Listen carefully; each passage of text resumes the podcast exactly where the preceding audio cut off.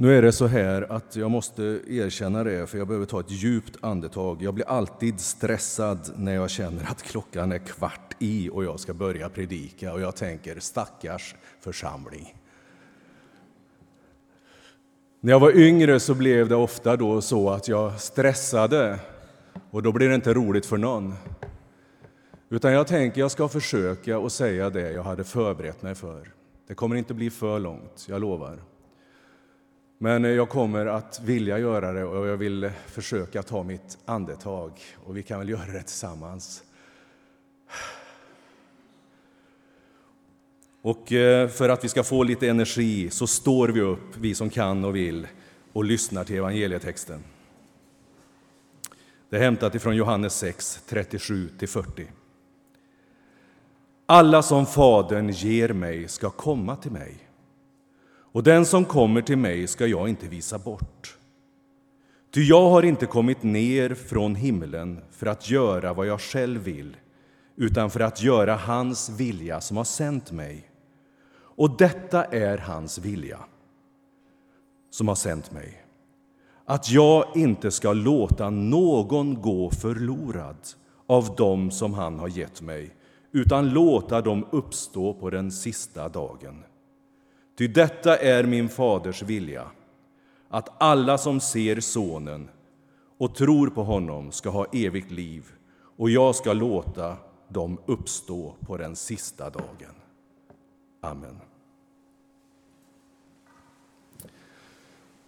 Det som är ett problem med alla de här texterna som föreslås, det är ju att de är ryckta ur sitt sammanhang. Och det innebär att ibland så kan man försöka predika om något som kanske inte egentligen var avsett att predika om från början, om man lyssnade till allt det Jesus sa i det sammanhanget. Och texten som är föreslagen i den här dagen, jag förstår varför man har valt den. Men den är ryckt ur ett sammanhang som avslutas med ett extremt antiklimax.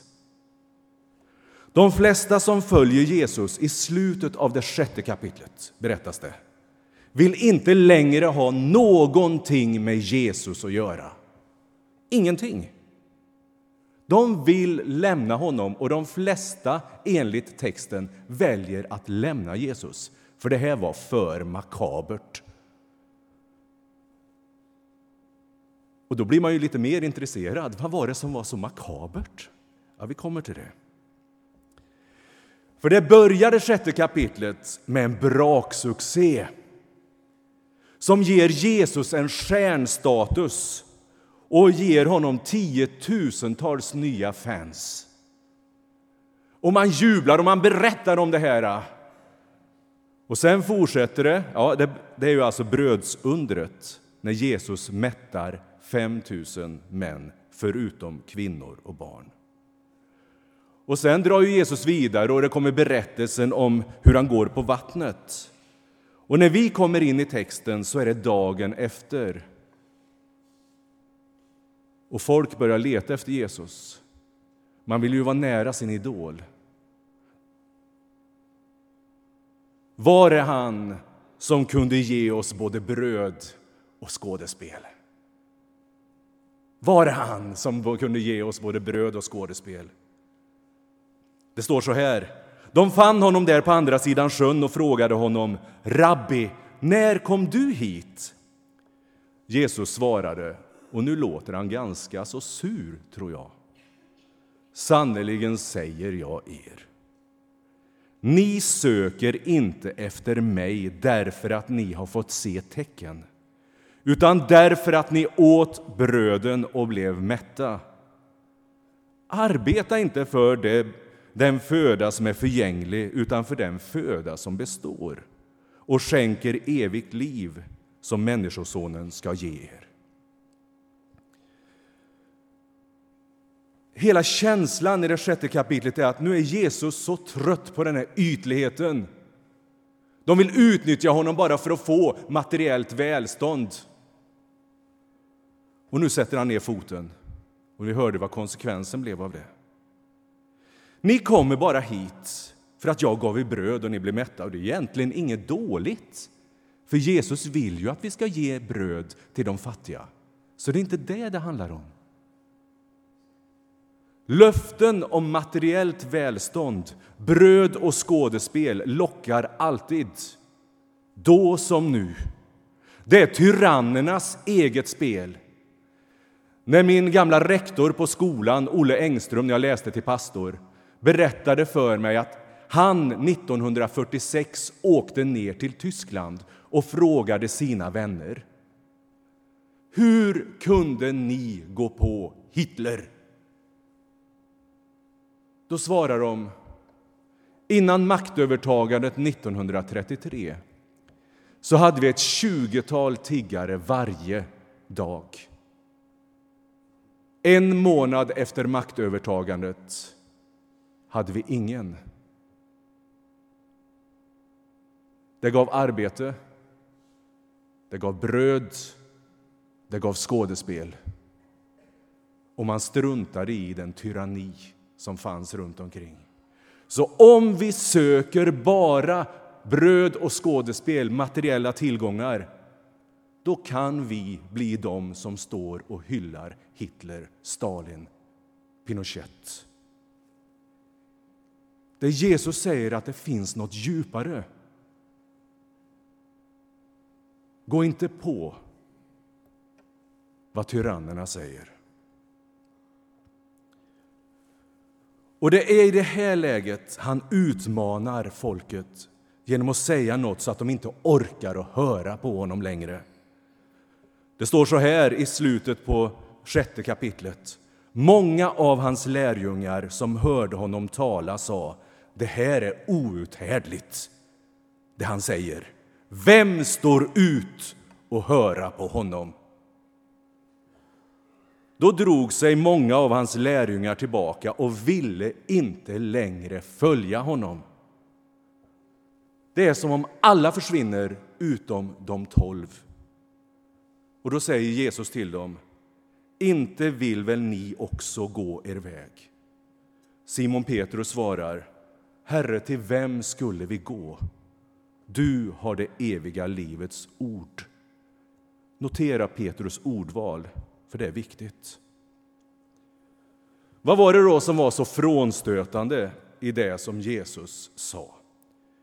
Jo, han säger om sig själv att han är livets bröd med samma självklara tydlighet som han säger till kvinnan vid Sykars brunn något kapitel innan, att han var livets vatten. Det levande vattnet som gjorde att man inte blev törstig igen. Blev törstig igen. Och nu säger han om sig själv som livets bröd. Sannerligen säger jag er, om ni inte äter Människosonens kött och dricker hans blod äger ni inte livet.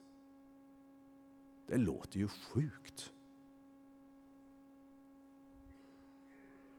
Den som äter mitt kött och dricker mitt blod har evigt liv och jag ska låta honom uppstå på den sista dagen.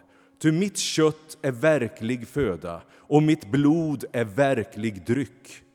Den som äter mitt kött och dricker mitt blod förblir i mig och jag i honom. Liksom den levande Fadern har sänt mig och jag lever genom Fadern ska också den som äter mig leva genom mig. Detta är brödet som har kommit ner från himlen. Ett annat bröd än det som fäderna gav åt. De dog, men den som äter av detta bröd ska leva i evighet. Tänk att ni hörde detta första gången utan att ha all förförståelse om nattvard och allt sånt där. Frågan är inte om många av oss också skulle ha lämnat och tyckt att det här var det mest makabra jag någonsin har hört. Och Många kritiker genom åren och andra från andra religioner också har anklagat Jesus för kannibalism. Men på samma sätt som kvinnan vid Sykars brunn förstod att det inte handlade om det fysiska vattnet utan var en bild för det som släcker människans inre törst visar Johannes redan i sin prolog i Johannesevangeliet, alltså början i Johannesevangeliet. vad det här handlar om. Han skriver i begynnelsen var Ordet. Och ordet var hos Gud, och ordet var Gud. Han var i begynnelsen hos Gud. Genom honom har allt blivit till, och utan honom har inget blivit, inget blivit till som är till. Och ordet blev kött och tog sin boning ibland oss. Ja, nu läste jag som det stod 1917, då, men, för det lärde jag mig utan till. Ordet blev kött och bodde ibland oss.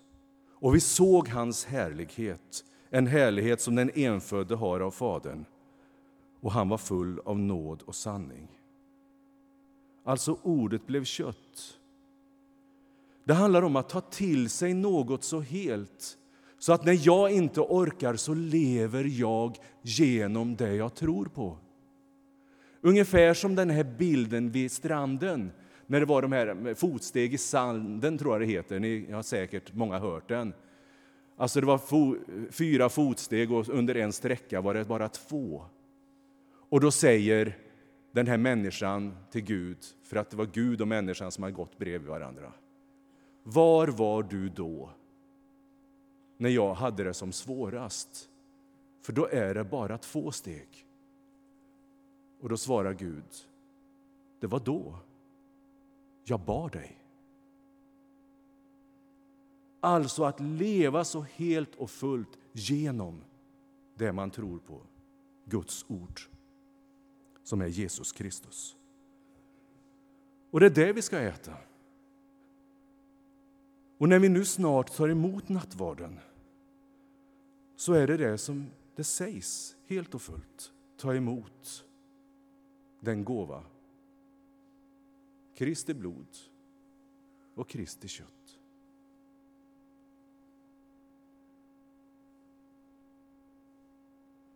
Genom brödet och vinet så är vi inte längre bara vi, jag. Utan jag är en del i det gudomliga. Det är tanken. Inte så att jag är gudomlig och står över någonting annat, men att kunna överlämnas och leva genom det som är Guds ord. Och I den här texten som vi läste förut förklarar Jesus vad hans uppdrag var. Och detta är hans vilja som har sänt mig, att jag inte ska låta någon gå förlorad av dem som han har gett mig, utan låta dem uppstå på den sista dagen. Ty detta är min faders vilja, att alla som ser Sonen och tror på honom ska ha evigt liv. Och jag ska låta dem uppstå på den sista dagen. Lägger vi samman det här så får vi en bild av nattvarden som är så mycket mer än lite brytande av bröd och vin.